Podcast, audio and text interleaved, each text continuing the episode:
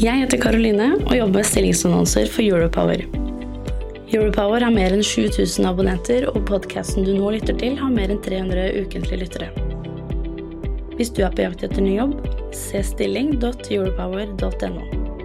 Ta også gjerne kontakt med meg dersom du ønsker å annonsere ledige IT-stillinger i fornybar energibransje. Du lytter til Teknologioptimistene fra Europower Partner. Redaksjonen i Europower har ikke medvirka i denne produksjonen. Hei og velkommen til Teknologioptimistene, en podkast for IT-beslutningstakere i fornybar energibransje. Jeg heter Pia Christensen Moe og jobber i Europower. Og jeg heter Skjult Kristian Aamodt, og jeg jobber også i Europower. Med oss her i studio i dag så har vi Boje Tranum fra DNV, daglig leder for Cybersecurity. Velkommen. Takk for det. Nå kan du bygge nettverk og dele erfaringer med teknologioptimister gjennom hele året. Teknologioptimistenes nettverk består av både kunder og leverandører innenfor IT og fornybar energibransje. Vi møtes seks ganger i året på samlinger der bransjen presenterer konkrete prosjekter og diskuterer problemer og løsninger. Aktører i bransjen kan tegne medlemskap på selskapsnivå. Se teknologioptimistene.no for mer informasjon om nettverket. Så la oss starte med det enkle spørsmålet som vi alltid gjør. Hvem er du, Boje? Ja, si det. Jeg, jeg har jobba med cybersecurity lenge. Jeg begynner å bli en voksen mann. Jeg jobba i DNV siden 2005. Og leder nå en gruppe som ser på cybersecurity og jobber med cybersecurity mot våre kunder på det industrielle IT- eller OT-markedet. Vi har et spørsmål som vi stiller alle. Mm -hmm. så, for da, da, føler vi at vi blir litt bedre kjent med dere. Ja. Har du en fun fact? Ja, det kanskje. Jeg har en rar kombinasjon at jeg driver med cybersecurity også, og ha, har jeg stall og hester. Du har stall og hester, ja. Så, sånn, litt sånn hobby. Eh, Så du, si. du, driver en gård, eller? Ja, litt i småbruk eh, med stall. Hvor er det? Det er oppe på Nes på Romerike. Oi. Og bl.a. har norsk, norsk, norsk dølahest hvor vi kjører både slede og, og vogn. Det, det, det, er en lite spenn fra det å sitte langt inne i skjermen og det å sitte på, bak en hest på en vogn? Det er det. Jeg tror det er ganske fint. Så det ikke fokuserer bare på akkurat det samme hele tiden. Får litt mer perspektiv. Så for meg så fungerer det veldig bra. det er godt. Hva er det du jobber med når du jobber med cybersecurity i DNV? Ja, jeg jobber med, og vi jobber veldig mye mot, mot energibransjen. Både den, den ordinære olje, gass og, og hydrokarbondelen og renewables. Og det vi jobber med, det er å, å hjelpe våre kunder med å styrke sitt si, motstandsdyktighet mot cybersårbarheter. I sine installasjoner og sine store prosjekter når de bygger ut store, store prosjekter. Det er store vindparker, oljeplattformer, skip. Og sørge for at de er beskyttet nok.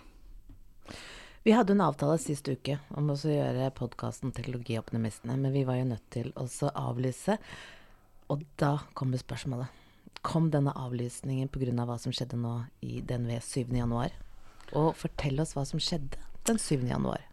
Nei, det var ikke pga. det. Det var nok pga. litt travel, eh, travel kalender, og den er ganske travel. Det, er, det skjer mye i cyberdomenet rundt omkring, og ikke minst i det domenet som vi fokuserer på. Det hadde ikke noe med, med angrepet på DNV sin shipmanager å gjøre, som, som ikke er et uh, fokusområde som jeg jobber med, men som andre i DNV håndterer. Eh, og hva var det egentlig som skjedde? Altså nå, nå er det jo ganske ferskt, eh, men hva kan du si om, om, det angrepet som faktisk var et angrep på DNV? Jeg kan ikke si så veldig mye om det. Det er, det er offisielle si, uttalelser om det. Det var, et, det var, et, angrep på et av, et av systemene som DNV har. Uh, og det håndteres da i henhold til DNB sine, sine retningslinjer. Og, og, vi har en offisiell si, pressetalsmann og pressebrief som, som, forteller hva som skjer der. Og det håndteres. Og det håndteres da mot de kundene som er, er berørt. Men sånn som da, daglig leder da, av Cybersecurity i DNV, så hvordan var det egentlig å trykke på den store røde knappen? egentlig? Sånn, jeg vet at ikke du, var ditt område, men det er jo dette her å trykke på den store røde knappen egentlig i et selskap som da jobber da meget mye mot uh, andre selskaper og, og cybersecurity. Så, så, så hvordan, hvordan, var det? Du, dette var egentlig ikke så veldig, veldig uvanlig i DNV. DNV er satt opp for å håndtere sånne krisesituasjoner. Eh, vi har jo vært uh, si et, et, selskap siden 1864 som har håndtert store verdier. Ja. Det er et klasseselskap som har teknisk ansvar for skip. Vi har teknisk ansvar for, for andre, andre, installasjoner. Så når ting skjer, så har vi en apparat og en mekanisme for å håndtere eh, sånne uventa situasjoner. Denne gangen var det et cyberangrep. Det er andre, mange andre hendelser som også skjer rundt omkring i verden, hvor vi tar affære. Og dette har vi, vi si, rutiner for. Men det var et løsepengeangrep, var det? Eh, du må nesten, jeg må henvise til, til uh, uttalelsen fra, fra prestetalsmannen som står ja, også på Jeg har lest, mm. ja, så jeg vet at det var et løspengerangrep. Da har jeg litt lyst til å spørre sånn Det finnes jo veldig mange uh, Eller det finnes jo forskjellige uh, cybersecurity-trusler her. Sånn. Um, vi har jo da, da løspenger, sånn som nå, sånn som da uh, dere opplevde, Voldy opplevde det. Hva, hva, er forskjellen på disse forskjellige cyber security-angrepene? Det er jo Eh, en, en løsepengevirus det er jo det som er veldig mye brukt nå. Det brukes jo, skal vi si, skal ikke si blinde, men, men, de som er på jakt etter, etter penger. Eh, de finner jo eh, muligheter for å komme inn der det måtte være mulig å få inn, få inn løsepengevirus, og hvor det er en organisasjon som man tror har appetitt på å, å betale seg ut. Um, og det er det mye av. Det kan være helt tilfeldig, eller det kan være rettet. En, en, annen skal vi si, eh, avart av det er hvis det ligger noe mer seriøst bak. Hvis det er noen som faktisk er på jakt etter å kompromittere informasjon. Mm. Um, det kan være Nation States, det kan være andre organisasjoner.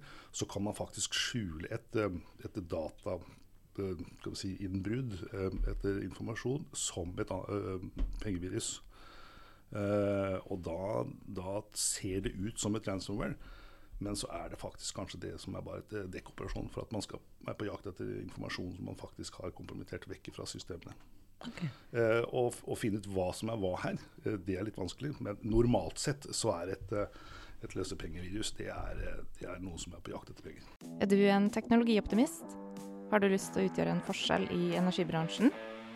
Gå inn på stilling.europower.no for å se ledige stillinger akkurat nå.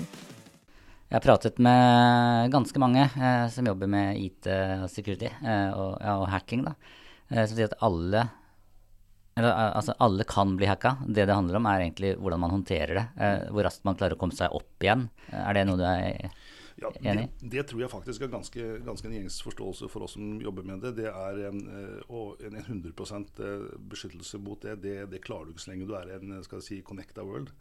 Uh, alle er for så vidt har kontakt med alle, og er du, er du eksponert til, til, internett og til den store verden, så er du, er du, sårbar.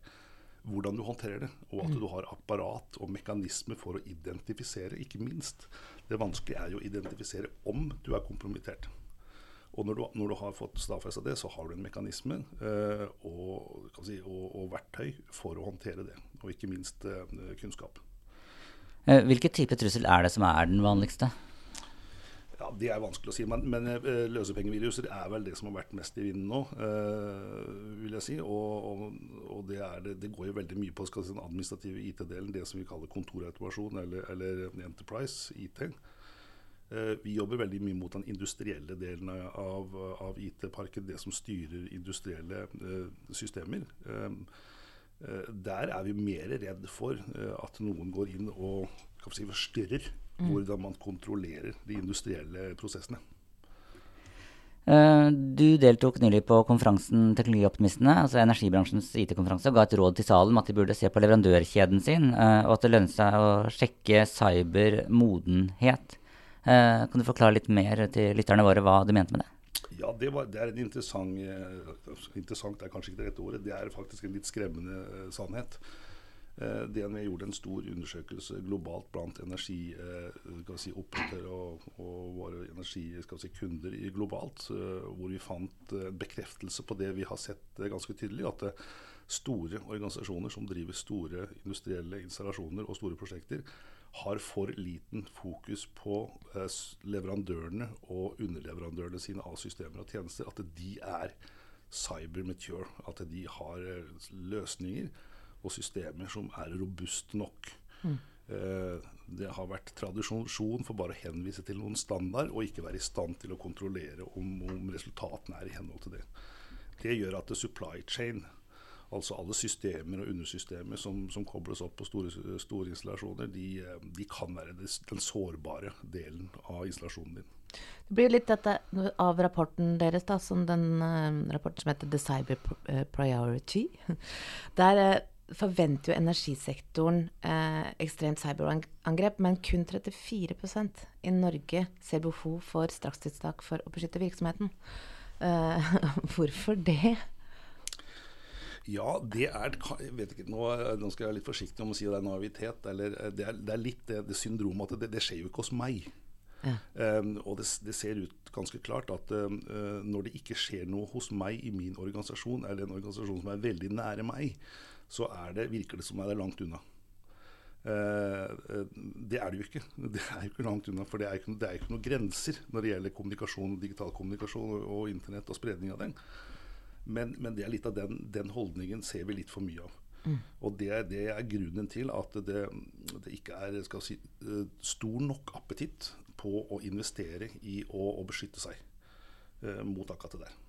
For man tror ikke det kommer til å skje til uh, for seg selv. Men hvorfor er det ikke stor nok appetitt? Altså, alle, alle, vet jo nå at det kan skje, og så tenker man det skjer ikke meg. Det er litt som i gamle dager så røyka veldig mange, og så tenkte jeg det er ikke jeg som får kreft. Uh, er det kulturen i energibransjen som står i veien?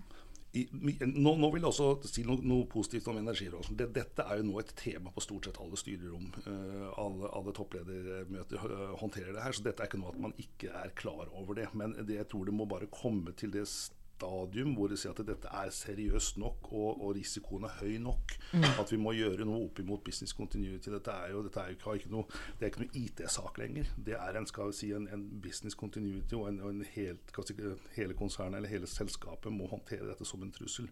Som hvilken som helst annen trussel. Eh, og så er det også et tema som er litt vanskelig å forstå. Uh, vi har litt vanskelig er det, er det, slik at det blir for komplisert, eller? Ja, uh, at man tenker for stort, egentlig, og så kan man egentlig gjøre små grep for å sikre seg? Jeg tror det er litt, litt av problemet. Uh, og så er jo vi som er teknologer, vi er også veldig flinke til å lage dette enda vanskeligere enn det det kanskje er, når vi skal forklare hva, hva utfordringen og risikoen er.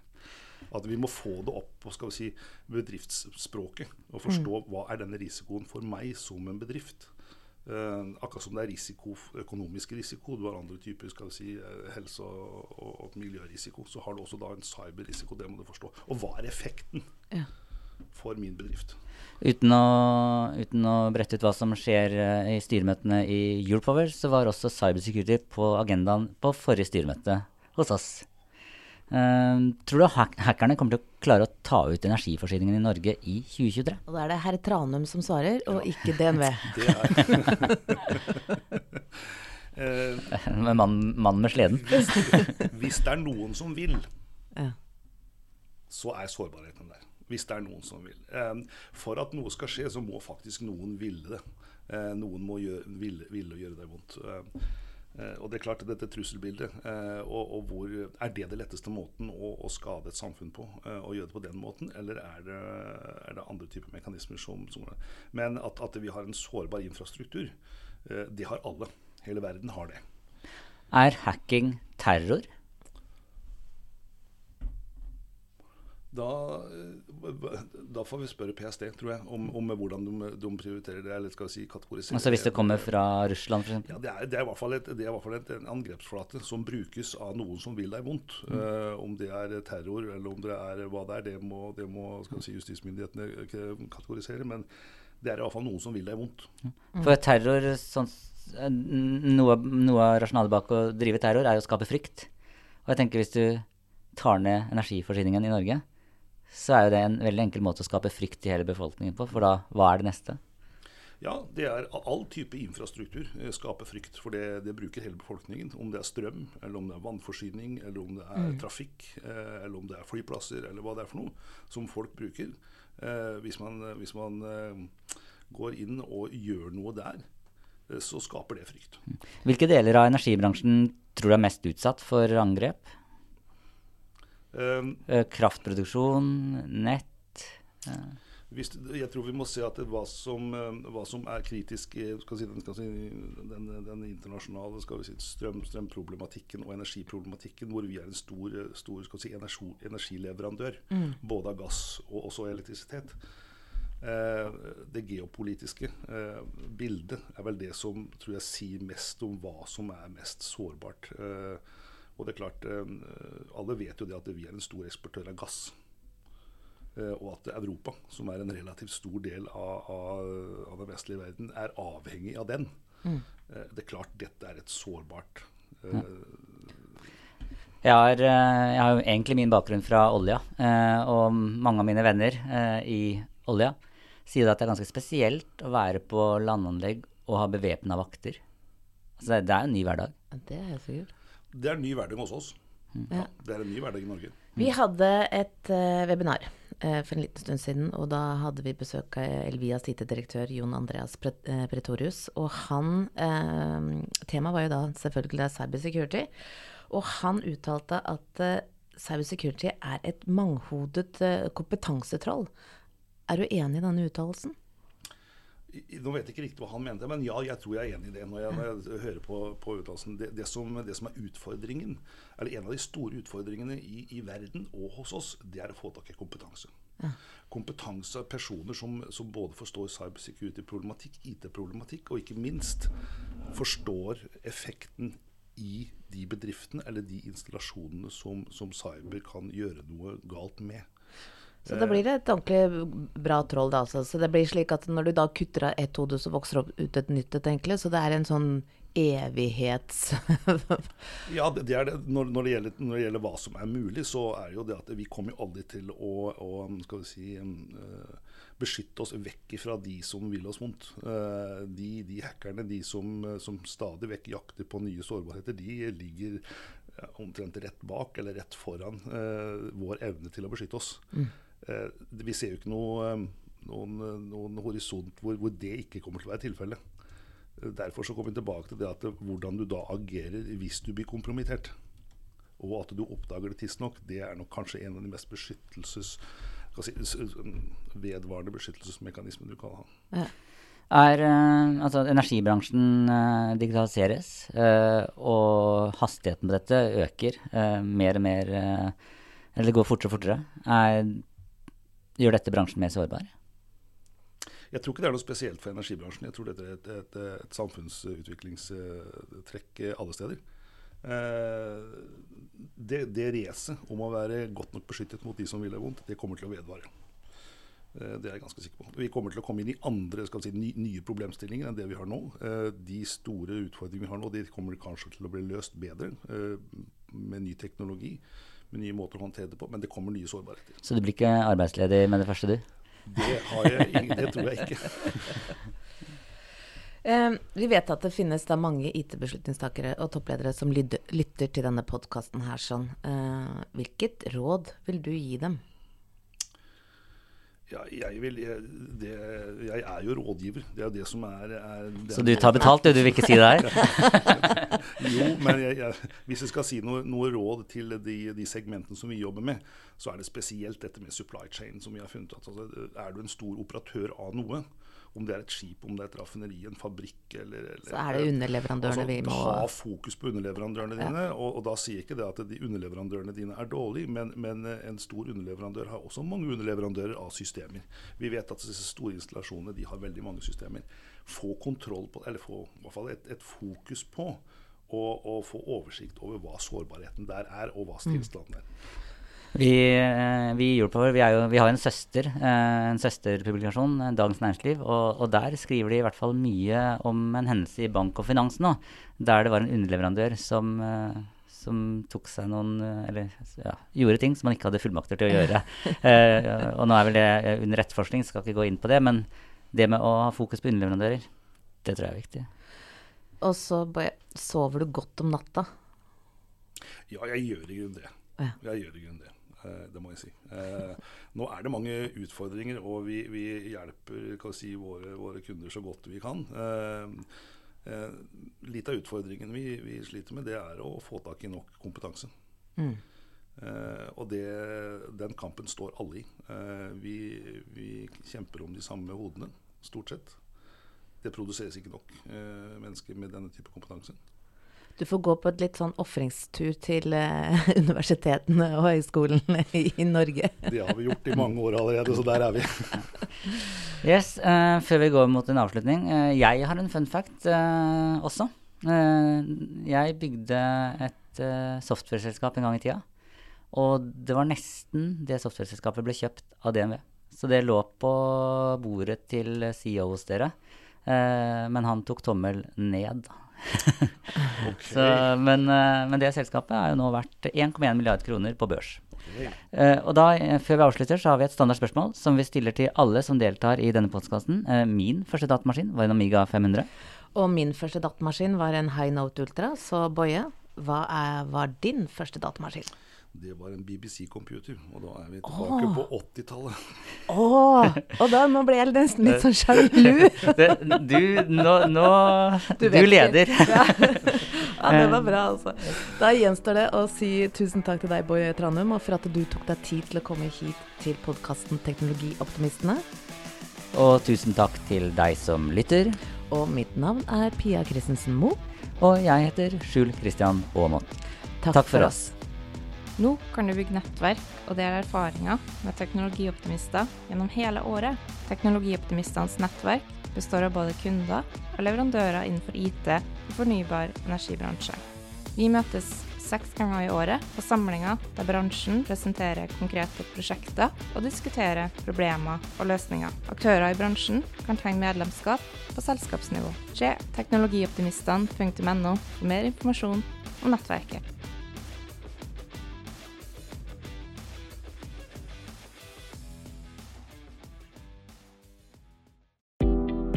Jeg heter Karoline og jobber med stillingsannonser for Europower. Europower har mer enn 7000 abonnenter, og podkasten du nå lytter til, har mer enn 300 ukentlige lyttere.